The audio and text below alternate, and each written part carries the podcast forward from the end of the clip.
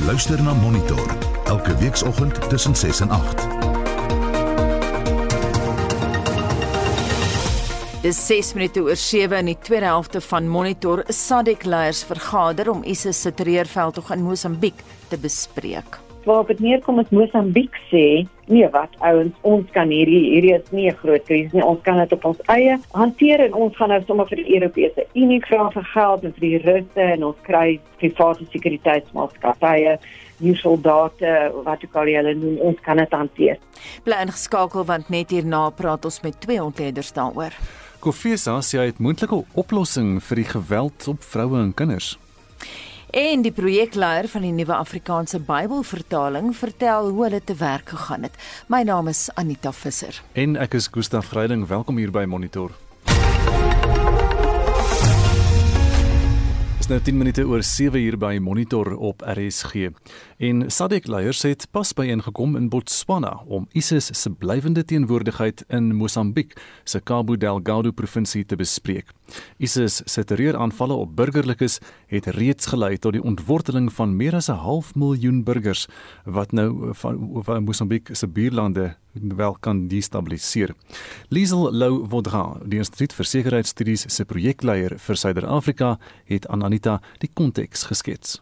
Anita, op die beraad was daar 3 staatshoofde van die SADC orgaan oor verdediging en politiek en sekuriteit wat dan nou president Mnangagwa van uh, Zimbabwe is, president Masisi van Botswana is nou die voorsitter daarvan in Suid-Afrika is lid van hierdie trojka. So ons word in Augustus volgende jaar dan voorsitter van die SADC trojka wat apart is van SADC se leierskap wat op die oomblik deur Mosambiek gelei word en ek dink dis een van die probleme hoekom SADC nie daadwerklik optree nie, maar goed, SADC het besluit om 'n sekere aantal stappe te neem om dan nou 'n plan van ek sou sê ingryping na hulp aan Mosambiek op die tafel te sit wanneer daar 'n volgende vergadering dan is van die staatshoofde beraad wat dan nou in die volgende paar weke sal wees sal waarskynlik nie voor Februarie Maart volgende jaar sal wees nie. Ek dink mense in Mosambiek is baie gefrustreerd, burgerlike organisasies is baie gefrustreerd in Suid-Afrika wel analiste en kenners wat hierdie situasie absoluut sien uitspiraal op 'n daaglikse basis dat SADC nie genoeg doen nie. Maar mens moet ook verstaan SADC 'n organisasie is ongelukkig van gebuk met 'n klomp probleme. Ons praat so baie van die bevrydingsbewegings in Suid-Afrika wat mekaar ondersteun, ZANU-PF, die ANC, FRELIMO, die NPLA. Maar nou het ons 'n krisis in een van die lidlande, Mosambiek, en nou sien ons dat daai solidariteit eintlik nie so sterk is wat ons gedink het nie, want by basies waarop dit neerkom is Mosambiek sê Nee wat ouens ons kan hierdie hierdie is nie 'n groot krisis nie ons kan dit op ons eie hanteer en ons gaan nou sommer vir die Europese Unie vra vir geld en vir die Russe en ons kry private sekuriteitsmaatskappye nie soldate wat ook al hulle noem ons kan dit hanteer. So wanneer ons praat oor SADC kom dit eintlik daarop neer dat ander SADC lande is bereid om te help maar dit lyk asof Mosambiek self nou soort van op sy eie soewereiniteit staat maak. Ek sou sê dieselfde wat ons gesien het in Nigerië met Boko Haram vir baie baie jare het Nigerië gesê nee, dis ons trots, ons soewereiniteit, ons is 'n onafhanklike land, moenie vir ons kom sê ons ons probleme gaan oplos nie. En tog wel jare later sien ons nog steeds die situasie in die noordooste van Nigerië absoluut dramaties vererger eintlik. Liesel wat vir my interessant is, as 'n mens nou kyk na die BBC, Al Jazeera, die verskeie nuusagentskappe wat ons as joernaliste daagliks volg, Hulle gee nie aandag aan die ISIS probleme in Mosambiek nie. Die laaste stories wat hulle dra, strek terug na November die 12de toe. Hoekom dink jy ignoreer die media grootliks die gebeure in Cabo Delgado? Anita, ek dink daar's verskeie faktore daar rondom. Ek sê sê Lusa, die Portugese nuusagentskap berig omtrent daagliks daaroor en as ons dan 'n vertaling daarvan kry, jy weet dan sien 'n mens dat die taal het wel 'n impak. Daar is nou byvoorbeeld en dit het ook 'n politieke impak die feit dat die media daaroor praat. Daar's nou 'n voorstel dat die Europese Parlement die kwessie van Cabo Delgado sal bespreek en dit is Portugese parlementslede in die Europese Parlement wat dit op die tafel gesit het. Jy sien, so die feit dat die BBC en Al Jazeera nie daaroor so sterk berig soos oor ander plekke die krisis, die oorlog in Ethiopië en so nie, is ook maar dit kom meer op 'n baie praktiese soort van 'n kwessie van hulle het nie staf en word nie toegang gegee ook tot daai areas nie. Daar's baie Suid-Afrikaanse joernaliste wat my die laaste tyd gekontak het en gesê het maar ons wil van kyk wat daar aangaan met die vlugtelinge. Praat daar 500 000 vlugtelinge nou interne vlugtelinge in Mosambiek, maar die Mosambiekse regering laat hulle nie toe nie, gee hulle nie visums nie. Ek kan amper sê dit is 'n praktiese probleem wat nou 'n reuse politieke implikasie het omdat ons besluitnemers in Suid-Afrika het baie lank gevat voor hulle nou regtig sien hoe ernstig is hierdie situasie. Ek sien nie daar is nie 'n besef veral in intelligensiekringe en verdedigingskringe en so rondom die krisis nie, maar dit werk maar net so as die media nie daaroor praat nie al is dit op ons drempel dan is dit moeiliker vir sê maar oppositiepartye of burgerlike organisasies of so om die regering en die besluitnemers te druk om dan besluite te neem hieroor. Liesel net kortliks, wat is Suid-Afrika se opsies? Wat sou ons kon doen om te kyk of ons die situasie kan beredder? Ek dink Anita, daar moet druk geplaas word op Mosambiek om 'n SADC betrokkenheid te aanvaar en diplomatieke druk. SADC betrokkenheid in terme van humanitêre hulp, probeer 'n politieke oplossing ook kry Suid-Afrika het reuse ekonomiese belange by die gasaanlegte in die noorde van Mosambiek. Standard Bank, die Suid-Afrika Ontwikkelingsbank en so aan is daar betrokke. So Suid-Afrika het baie meganismes ek sou sê om druk te plaas op Mosambiek om te sê hierdie is 'n ernstige probleem en ons het 'n streeksplan nodig. Wat Suid-Afrika nie kan doen ongelukkig op hierdie stadium nie is om op sy eie bilateraal met Mosambiek dit in te gryp of self spesiale magte te stuur sommige mense sê ons het nie eintlik die militêre kapasiteit nie maar dit is ook gevaarlik vir Suid-Afrika omdat hierdie terreurorganisasies is baie onvoorstelbaar en ons kan nie ons eie land se veiligheid kompromenteer in daai sin. So dan moet weer sadik deur die Afrika Unie, ons is voorsitter van die Afrika Unie en dan nou uiteindelik deur die VN gewerk word om hierdie situasie te probeer in bedwang hou, sal ek sê. Diesel jy het nou gesê Mosambiek maak groot gewag van sy eie soewereiniteit en so aan. Sou dit beteken hy sou geen inmenging duld van Portugal as voormalige koloniale heerser nie? Sekerlik nie Portugal nie, ook nie Frankryk nie. Totaal is die ehm um, maatskappy met die grootste belange in die gasaanlegte in hierdie stadium. En daar is agter geslote deure baie gesprekke en soos ek sê die Europese Unie het al reeds finansiële hulp aangebied aan Mosambiek om sy eie weermag te ondersteun om opleiding te gee en so aan. Europese Unie kan nie geld gee vir, jy weet, of troepe stuur nie in hierdie stadium in aangeval nie. Mosambiek probeer, as ek sê, daar is op die grond private sekuriteitsmaatskappye baie Suid-Afrikaners wat daar betrokke is, wat daar veg aan die kant van die Mosambiekse regering, maar dit is nie 'n volhoubare oplossing nie private sekuriteitsmaatskappye en private wapen um, fabrikante wat nou wapens en so aan verkoop aan Mosambiek. Op die lang duur is dit nie volhoubaar nie omdat sulke private sekuriteitsmaatskappye is nie verantwoordbaar aan regerings of aan SADC of stichtsorganisasies. Daarom is daar nie oorsig oor soos hulle nou sê collateral damage maar dit is die menseregte vergrype of dat gewone burgers byvoorbeeld sterf in hierdie aanvalle nie.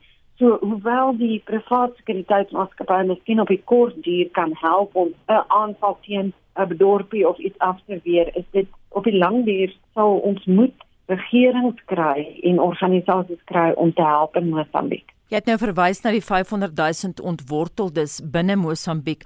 Hoe raak hierdie terreur Tansanië, Malawi, ander buurlande? Absoluut, dit het al reeds Tanzanië geraak omdat daar aanvalle was van die terreurgroepe oor die grens in Tanzanië.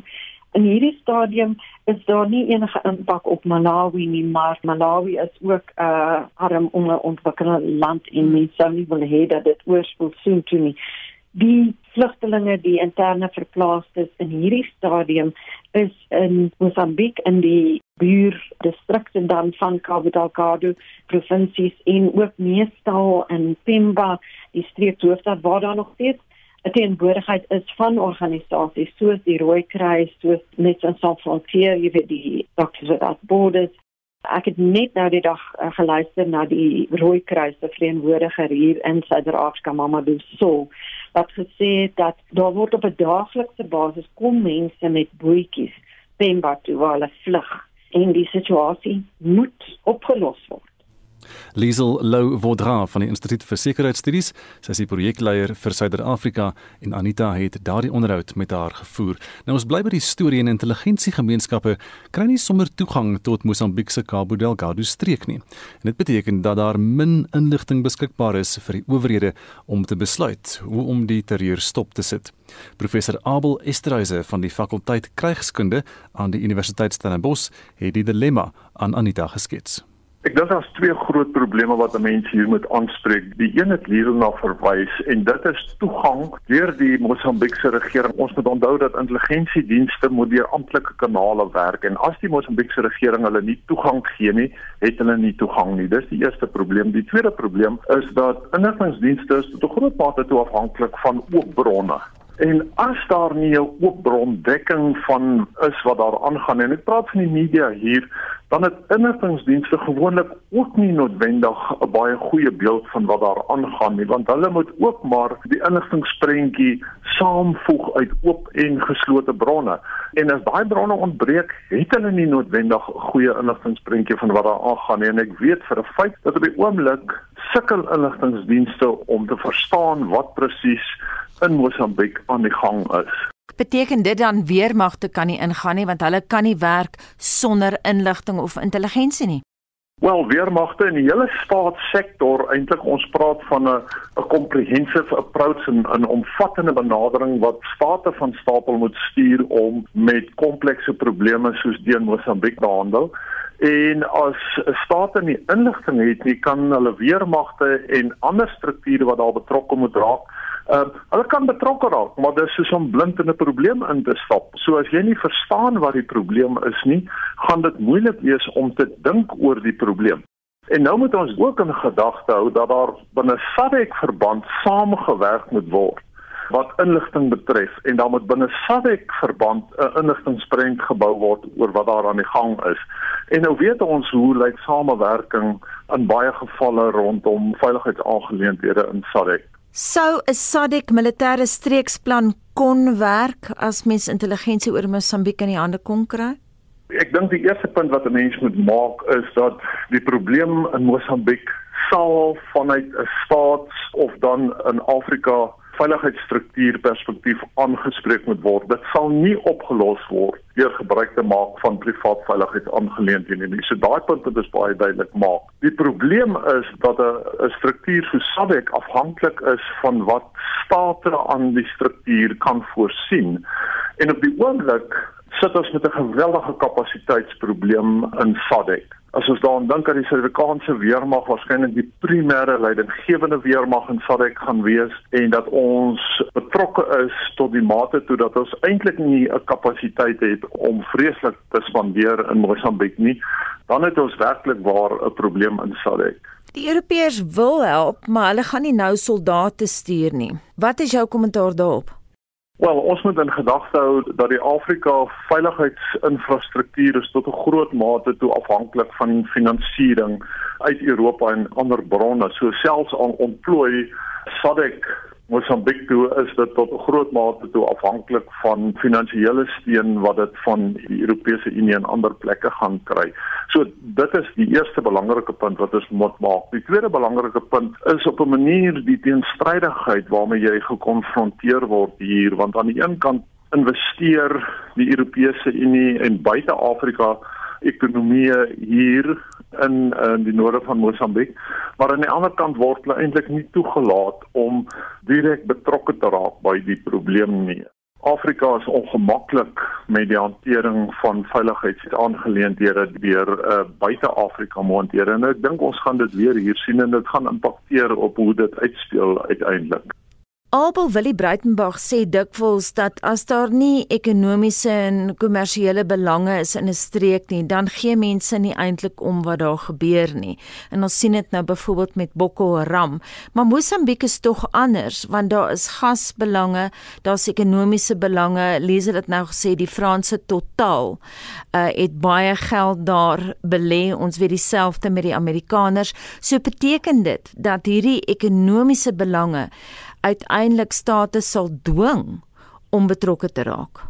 Ek twyfel nie dat state uiteindelik gedwing sal word om betrokke te raak nie, maar ons moet ook onthou Afrika het 'n geskiedenis van investering wat baie keer of ontwikkeling wat baie keer destabiliteit tot gevolg het en ek dink wat ons nou hier sien tot 'n groot mate toe is 'n tipiese voorbeeld daarvan waar ontwikkeling dikwels destabiliteit tot gevolg het. En die vraag wat hier gevra moet word is: wie raak almal betrokke in hierdie komplekse probleem? Juis omdat hulle nou weet dat daar waarskynlik geld ter sprake gaan kom in die noorde van Mosambiek en uiteindelik die vraag tot watter mate toe die bevolking van die gebied positief of negatief geraak gaan word deur die ontwikkelings wat daar plaasvind. Ek is bevrees om te sê wat ons nou sien uitspeel is dat dit hoofsaaklik negatief gaan uitspeel vir die bevolking in die gebied. Die stem daarvan 'n professor Abel Esterhuise van die fakulteit krygskunde aan die Universiteit Stellenbosch en hy het met Anita gepraat. Na ander deel van die wêreld wetenskaplikes moniteer die beweging van die grootste ysberg ter wêreld bekend as A68A wat op pad is na die Britse oorseese gebied van South Georgia. Die eiland is geleë in die suidelike Atlantiese Oseaan, sowat 1300 km van die Falkland eilandgroep oftewel die Malvinas.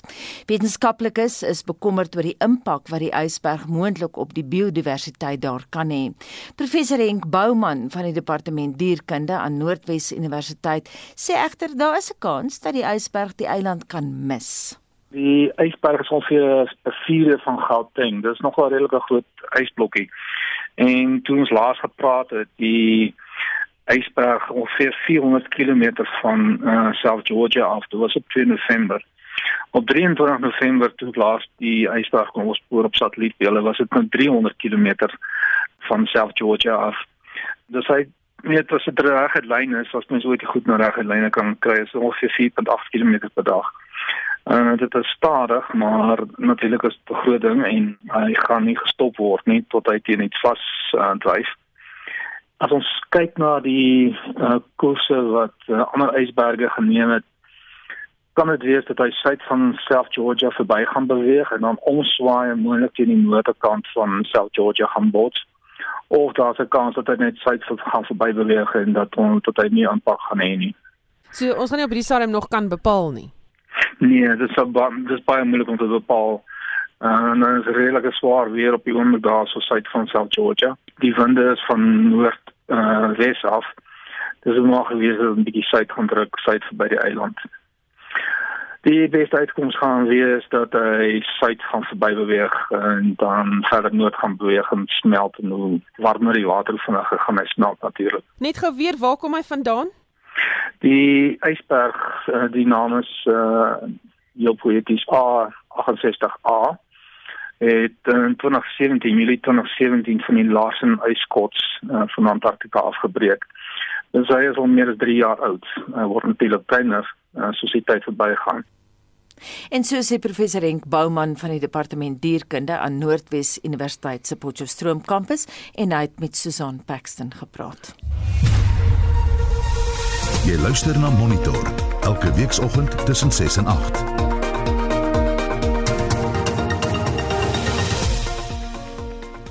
Dis half 8 en in die nuus, die arbeidshof sal vandag uitspraak lewer oor die SAIK se afleggingskrisis. Kofesa sê hy het moontlike oplossing vir die geweld teen vroue en kinders. En die projekleier van die nuwe Afrikaanse Bybelvertaling vertel hoe hulle te werk gegaan het. Bly ingeskakel daarvoor. Is dit dalk Gustaf na die tafel vir jou gedek? Chart Herb skryf: Ek was 2 jaar gelede in Harbin in die noorde van China om na die Ice Festival te gaan kyk. Die kook het daardie dag gedaal tot -33. My selfoon waarmee ek foto's geneem het, moes ek kort kort warm maak aangesien dit nie wou foto's neem nie. Die warmste wat ek al gekry het was in Nanning in die suide van China met 'n temperatuur van 45 grade Celsius en 100% humiditeit. Andrei Victor skryf 1 jaar in 1967-68 op die 14de Desember het die Mannetjiesberge naby Uniondale se pieke spierwit met sneeu gelê. En Attidai Willem Courant skryf hier in Katoo in die Noord-Kaap het verlede jaar 'n haalstorm oor die dorp beweeg. Dit het die duwe wat in die kameelbome woon in ons erf amper almal doodgeslaan. En Charlotte Botha sê ek bly op 'n plaas so 35 km voor Willowmore in die Oos-Kaap. Hier het ons eendag somer en die ander dag soos nou winter met 'n wind wat jou wil wegwaai. Ons vra vandag vir julle, watter uiterste weerstoestande het julle al beleef? Stuur 'n SMS na 45889 teen R1.50 per SMS. Gesels saam op ons Facebookblad by facebook.com vorentoe skynstreep ZARSG of WhatsApp vir ons stemnota na 076 536 6961. Dis 7:34 jy luister na Monitor en soos gewoonlik hierdie tyd van die oggend gee ons aandag aan internasionale nuusgebeure en ons begin by Washington waar die prokureur-generaal William Barr gesê het hulle vind nie bewyse van wydverspreide verkiesingsbedrog nie. Barr word beskou as een van Donald Trump se grootste bondgenote, maar hy waarsku nou dat die reg beslis nie deur politici uitgebuit kan word vir eie gewin uitgebuit liewer kan word vir eie gewin nie en Marlenae het vir ons al die agtergronde Madeleine. Anita sê die ondersoek na verkiesingskneury is nog nie voltooi nie. Na die departement van Justisie, Nasionale Veiligheid en die FBI elke spesifieke en geloofwaardige aantuiging van bedrog bly ondersoek. Stemme in die deelstaat Georgia word intussen vir die tweede keer getel. Verskeie lede van die verkiesingskommissie in die deelstaat ontvang intussen doodstrygemente van Republikeinse kiesers en een beampte se vrou word met seksuele aanranding gedreig. 'n Republikeinse bestuurder in die kommissie, Gabriel Sterling, sê die gedrag moet end kry. Death threats, physical threats intimidation. Mr. President, it looks like you likely lost the state of Georgia. We're investigating. There's always a possibility. I get it. And you have the rights to go through the courts. What you don't have the ability to do, and you need to step up and say this, is stop inspiring people to commit potential acts of violence. Someone's going to get hurt. Someone's going to get shot. Someone's going to get killed. En dit was een van die deelstaat Georgia se verkiesingskommissie se beamptes, Gabriel Sterling. En dan verskuif ons die aandag na Trier in Duitsland waar 5 mense dood is toe 'n voertuig in 'n groep voetgangers ingeploeg het. Die bestuurder, 'n 51-jarige plaaslike inwoner, is intussen in hegtenis geneem. Hy was onder die invloed van drank en dit het ook nou na vore gekom dat hy vir 'n geruime tyd lank in die voertuig gewoon het. Hy het 1 km ver gejaag deur 'n voetgangergebied en verskeie mense getref. Drie vroue van onderskeidelik 25, 52 en 73 is dood, asook 'n 9 maande oue baba en die baba se pa. Die voorval word egter nie as 'n reuraanval beskou nie. En dan Marlenae baie vreemde grillerige storie in Swede. Is 'n 70-jarige vrou deur die polisie in hegtenis geneem nadat sy haar seun minstens 30 jaar lank in haar woonstel buite Stockholm aangehou. Hoe op aarde gebeur so iets? Daar is bitter min inligting wat op hierdie stadium bekend is, maar die man wat nou in sy 40's is, is volgens plaaslike media op 12-jarige ouderdom deur sy ma uit die skool gehaal en in hulle woonstel buite Stockholm aangehou. Die polisie het nog nie veel besonderhede gedeel nie, maar die BBC verslaggewer, Maddie Savage, is op die toneel. Police haven't officially released much information about the man's injuries, but they told me that he's so badly hurt that he remains in hospital some 48 hours after he was taken in on Sunday. They've confirmed that he is able to communicate, but there are reports in the Swedish media that he has almost no teeth and struggles to speak. En die vrou bure is uiters geskok. Shock, first and foremost. One has read about these things happening in other countries with people who have locked up children and so on. Shock is the first thing, and you start to examine yourself like, shouldn't we have heard or seen something or thought something? Ons hou die storie dop. Mens verwag nie so iets uh, vanuit Skandinawië nie. Ons wêreldnuus sluit af op 'n ligter noot, maar Danai China se ruimtetuig Change 5 het suksesvol op die maan geland. En dis die land se derde suksesvolle maanlanding sedert 2013 sien ek in die media.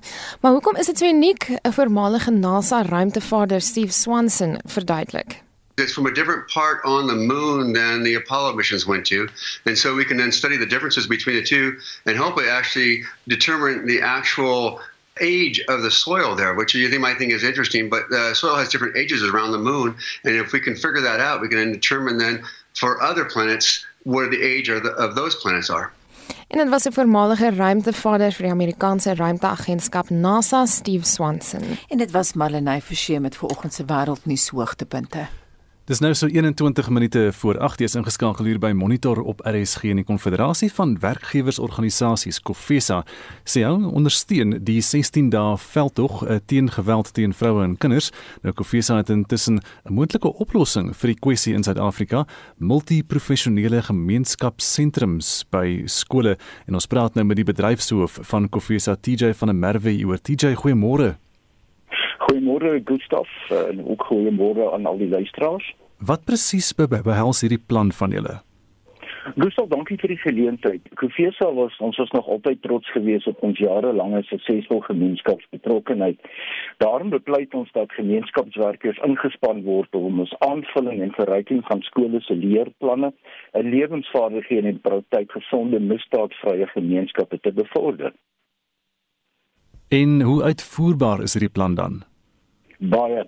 Uh, Gustaf, daar is reeds landwyd buurtwagte, gemeenskapspolisieeringsforums en ander gemeenskapsorganisasies wat aktief en hulle is baie georganiseer. Hulle onderskeie buurte en inwoners ondersteun vrywilliglik. Die meeste van die mense doen dit gratis. Hulle gee net hulle tyd.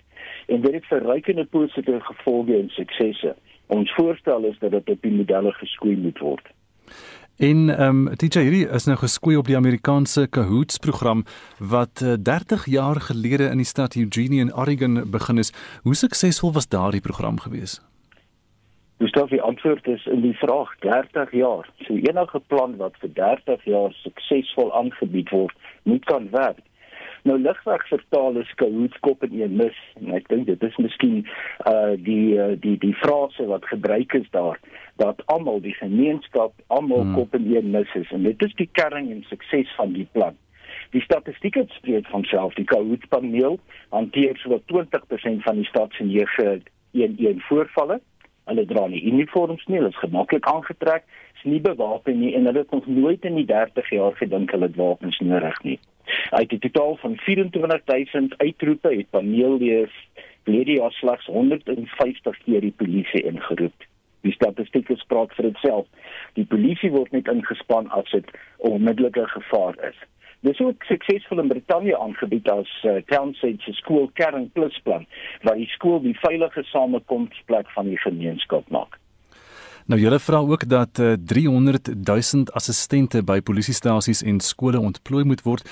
Hoe moet dit dan nou gebeur? Dis baie mense. Dit is baie mense, maar ons het daai mense, Gustaf. Jy weet daar is meer as 'n miljoen werklose gegradeerde studente wat hulle praktiese opleiding doen vir korrektiewe dienskwalifikasies as gryskraas en ander menslike hulpbronne kan betrek word by die sentrums. Uit die gemeenskap kan ook afgetrede onderwysers, staatsamptenare, gemeenskapsmense, besigheidsmense en ander help met opleiding soos in leierskap vir stokperdjies, so tuinbouvaardighede, sport uh, en so meer en ook 'n veilige hawe bied vir vrouens en kinders. En hoe wil julle hierdie gemeenskapsentrums dan nou prakties gebruik om om die leerders bloot te stel aan aan gemeenskapsdiens? Goed. En as die mense nou by die skole is, dan gaan die leerders gaan dan ook by die sentrums betrek word en hulle gaan boodskappe kry van gemeenskapsdiens en om maats te ondersteun, so byvoorbeeld as makkerhulpmaats. Jy weet dit is baie so dat onderwysers uh of die polisie nie altyd weet wat aangaan met 'n slagoffer nie, maar die maats weet. So die vriendelike gesig en dit is dit is die kern hier die gesig van die gereg moet vriendeliker wees en praktiese sigbare polisieering en wet en orde sal leerders en ook moontlik om dan 'n wetstoepassing in te volg of uh, of as sosiale werkers en so meer. Dit kos natuurlik alles geld. Waar kom die geld vandaan? Ja, maklik. Uh, president Ramaphosa aan die regering se post-COVID werkskepingsfonds het gesê uh, ons moet werk skep van daardie 300 000 assistentonderwysers wat uh, vanaf die maand uh, uh, uh, al klaar begin by skole uh, uitgeplaas word en hierdie voorstel van ons is gemik op die werklose gradeerdes wat tot nou toe nog glad nie formeel aangespreek is nie en 'n geweldige probleem is van daai breinkrag daai grysstof word nie gebruik nie dit word nie prakties in die gemeenskap aangewend nie. En dit is ons voorstel TJ baie dankie. TJ van der Merwe is dan die bedryfshoof by Kofisa en ons het vanoggend met hom gesels hier op Monitor op RSG. Dis nou so op pad na 16 minute voor 8 en die 2020 Bybelvertaling is 'n nuwe direkte vertaling van die Griekse en die Hebreëse brontekste so getrou as kan in goeie Afrikaans. En so sê die projekleier van die vertaalproses en emeritus professor aan die fakulteit teologie by die Universiteit Stellenbosch Bernard Kombrink en ons praat nou met hom. Bernard goeiemôre Goeiemôre Gustav, baie dankie. So hoe lank het hierdie proses geneem om nou al die toestemming te kry by al die verskillende kerke en die Bybelgenootskap bymekaar te kry? Hoe lank vat dit om so 'n vertaling te doen? Dit het begin in 1991, maar uiteindelik in 2005 uh het die uh Bybelgenootskap goedkeuring gegee nadat die kerke se advieskomitee dit gevra het en toe in 2005 is daar met voorbereidingswerk begin sodat dit eintlik kan mense sê van 2005 af geduur tot uh nou wanneer die Bybel uh, amptelik bekend gestel is en verskyn het. En hoeveel kerke was betrokke? Dis nie net die gewone susterskerke nie, né?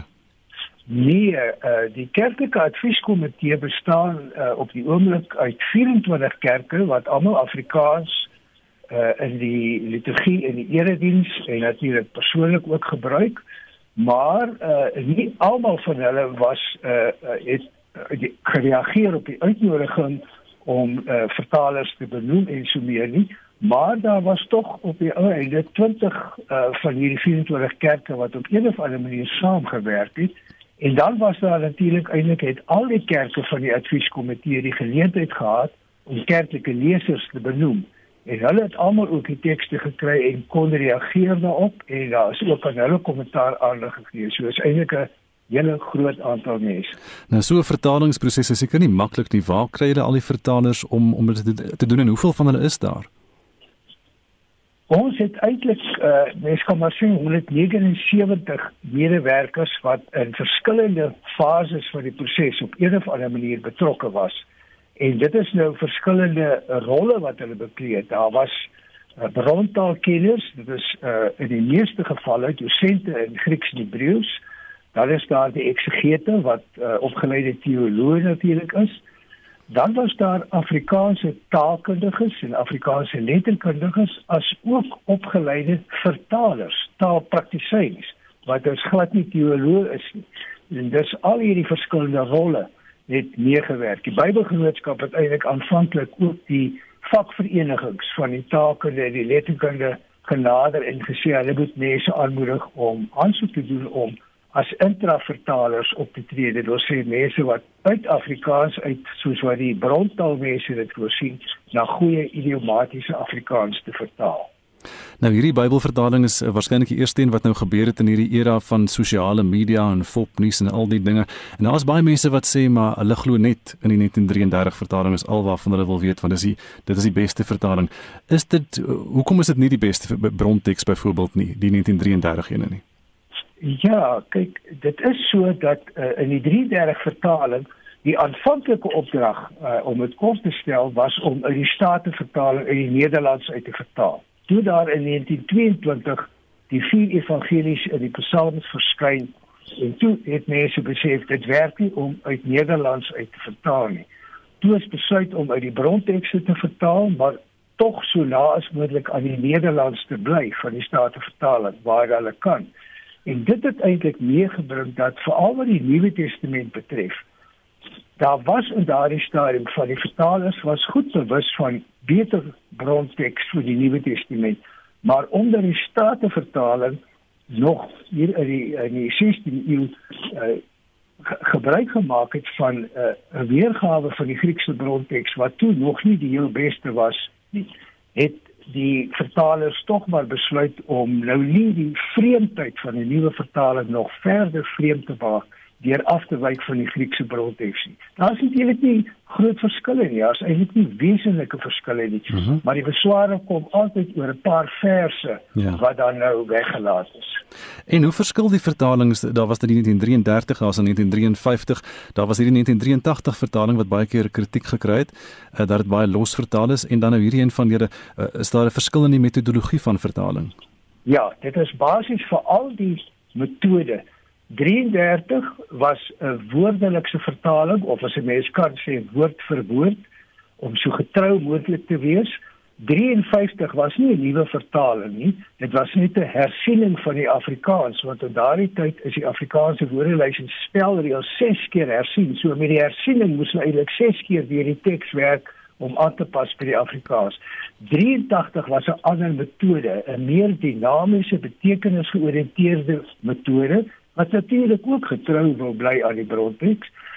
Hierdie vertaling van 2020 is 'n direkte vertaling, dis die metode mens probeer alles wat in die bronteks is so getrou as moontlik in Afrikaans weergee, maar dit beteken dis nie net die taal nie, dis ook die kultuur, die sosio-kulturele wêreld. En daarom probeer ons die leser bemagtig met baie voetnote en kruisverwysings en 'n uitgebreide woordelys en 10 kaarte alles om die kloof van die Bybelse wêreld na vandag toe op die manier verstaanbaar te maak sonder om in die teks aanpassings te maak aan die moderne wêreld soos wat die 83 byvoorbeeld gedoen het met rand en kilometer en so meer. Mm -hmm. Is daar omstredenheid gebruik hulle byvoorbeeld manlike en vroulike forme of net manlike forme? Ja, dit is 'n interessante saak. Nee, ons gebruik waar die bronteks manlike forme gebruik gebruik ons dit so.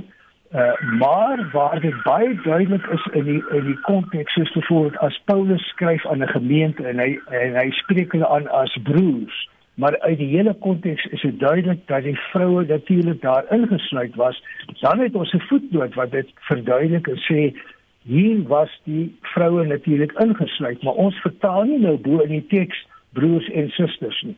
Natuurlik op ander plekke uh, in die uh, Joodse Israelitiese konteks was dit net manne wat in die volksvergadering was, dan is dit nie nodig om so voetnoot in te sit nie. Hmm. Maar daar is 'n ander interessante verskil waar daar uh, Afrikaans gebruik byvoorbeeld voornaamwoorde eintlik altyd net manlik. Ons gebruik nie vroulik nie.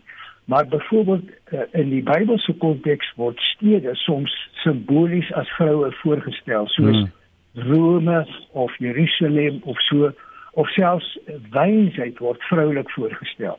Dan gebruik ons daardie vroulike voornaamwoord maar met 'n voetnoot wat dan verduidelik waarom ons dit so doen. Baie mense is eh, het hulle baie bekende verse waarvoor hulle baie lief is in die Bybel en hulle hou van die die taal wat gebruik is in Sinema destyds in Psalm 23 se waters waar daar rus is en die en die Korintiërs die galmende simbaal en die klinkende metaal die poëtiese taal gebruik. Het julle van daardie taal gebruik behou of van die goed baie erg verander dat dit vir mense gaan vreemd voel?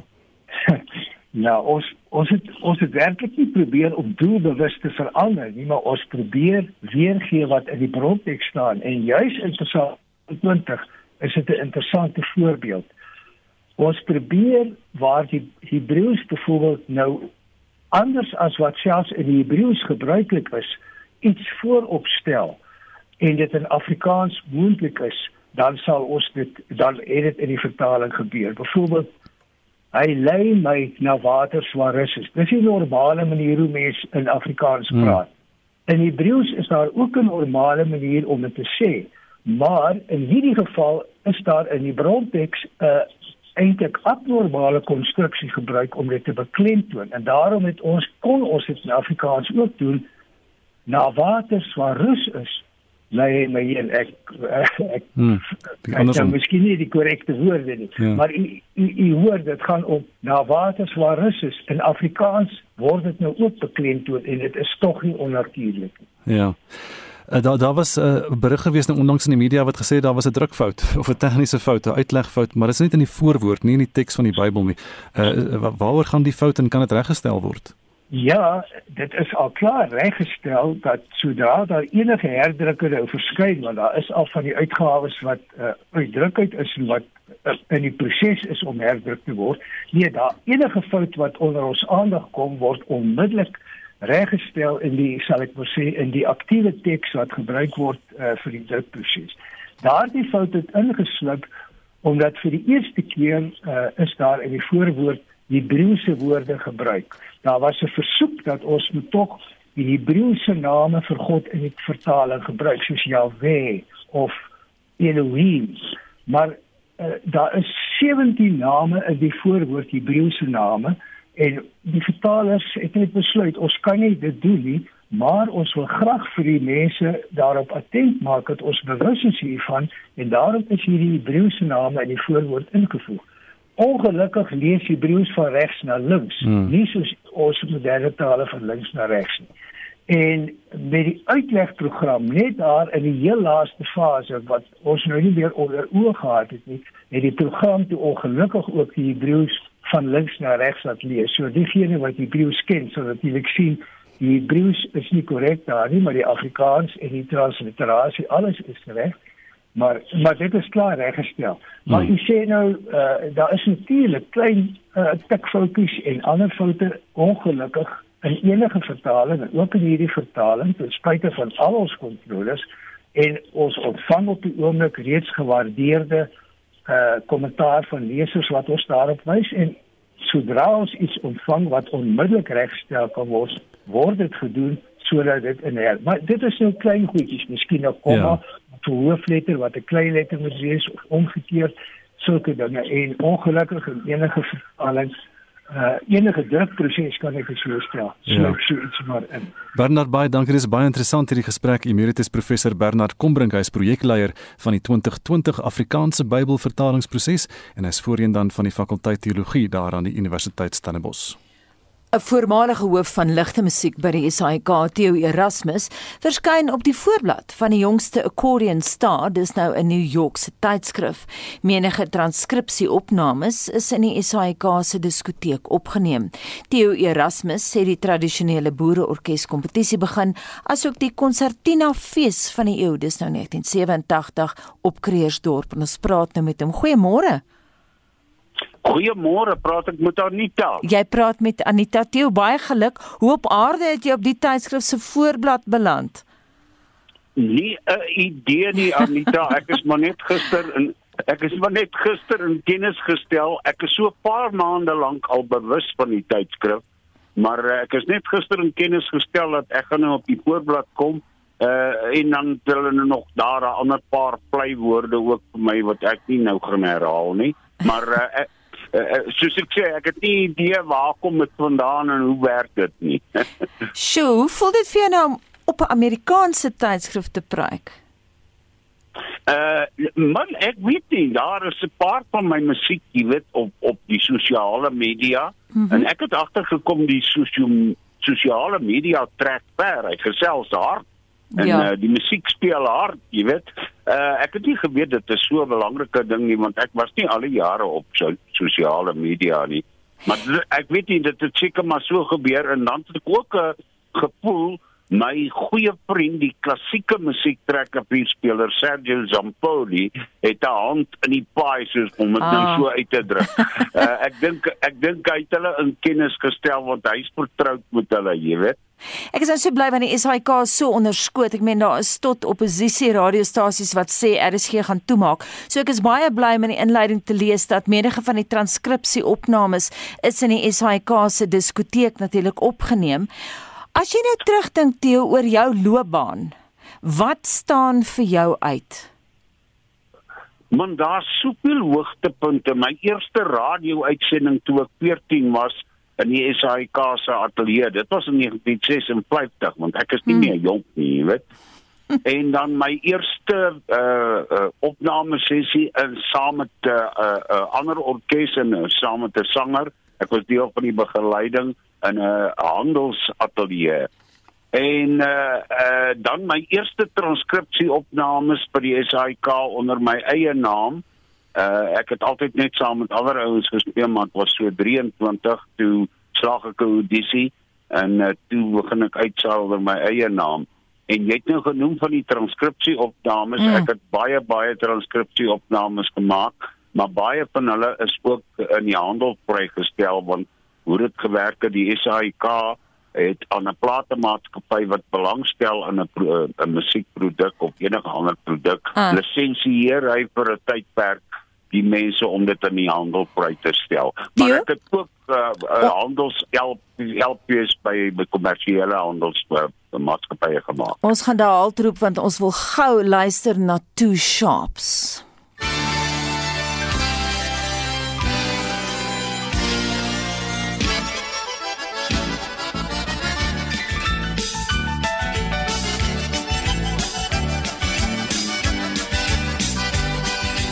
En dit dan 'n opname van Theo Erasmus se musiek. Dit was Two Shops. En so kom ons aan die einde van vanoggend se monitor waar neemende uitvoerende regisseur en vanoggend se redakteur is Wessel Pretorius. Ons produksieregisseur Lewona Bekes. As jy ingeskakel bly hier op RSG, dan kan jy luister na Praat Saam volgende saam met Lenet Francis Puren. My naam is Gustaf Vreiding en my naam is Anita Visser. En so groet ons dan tot môreoggend om 6.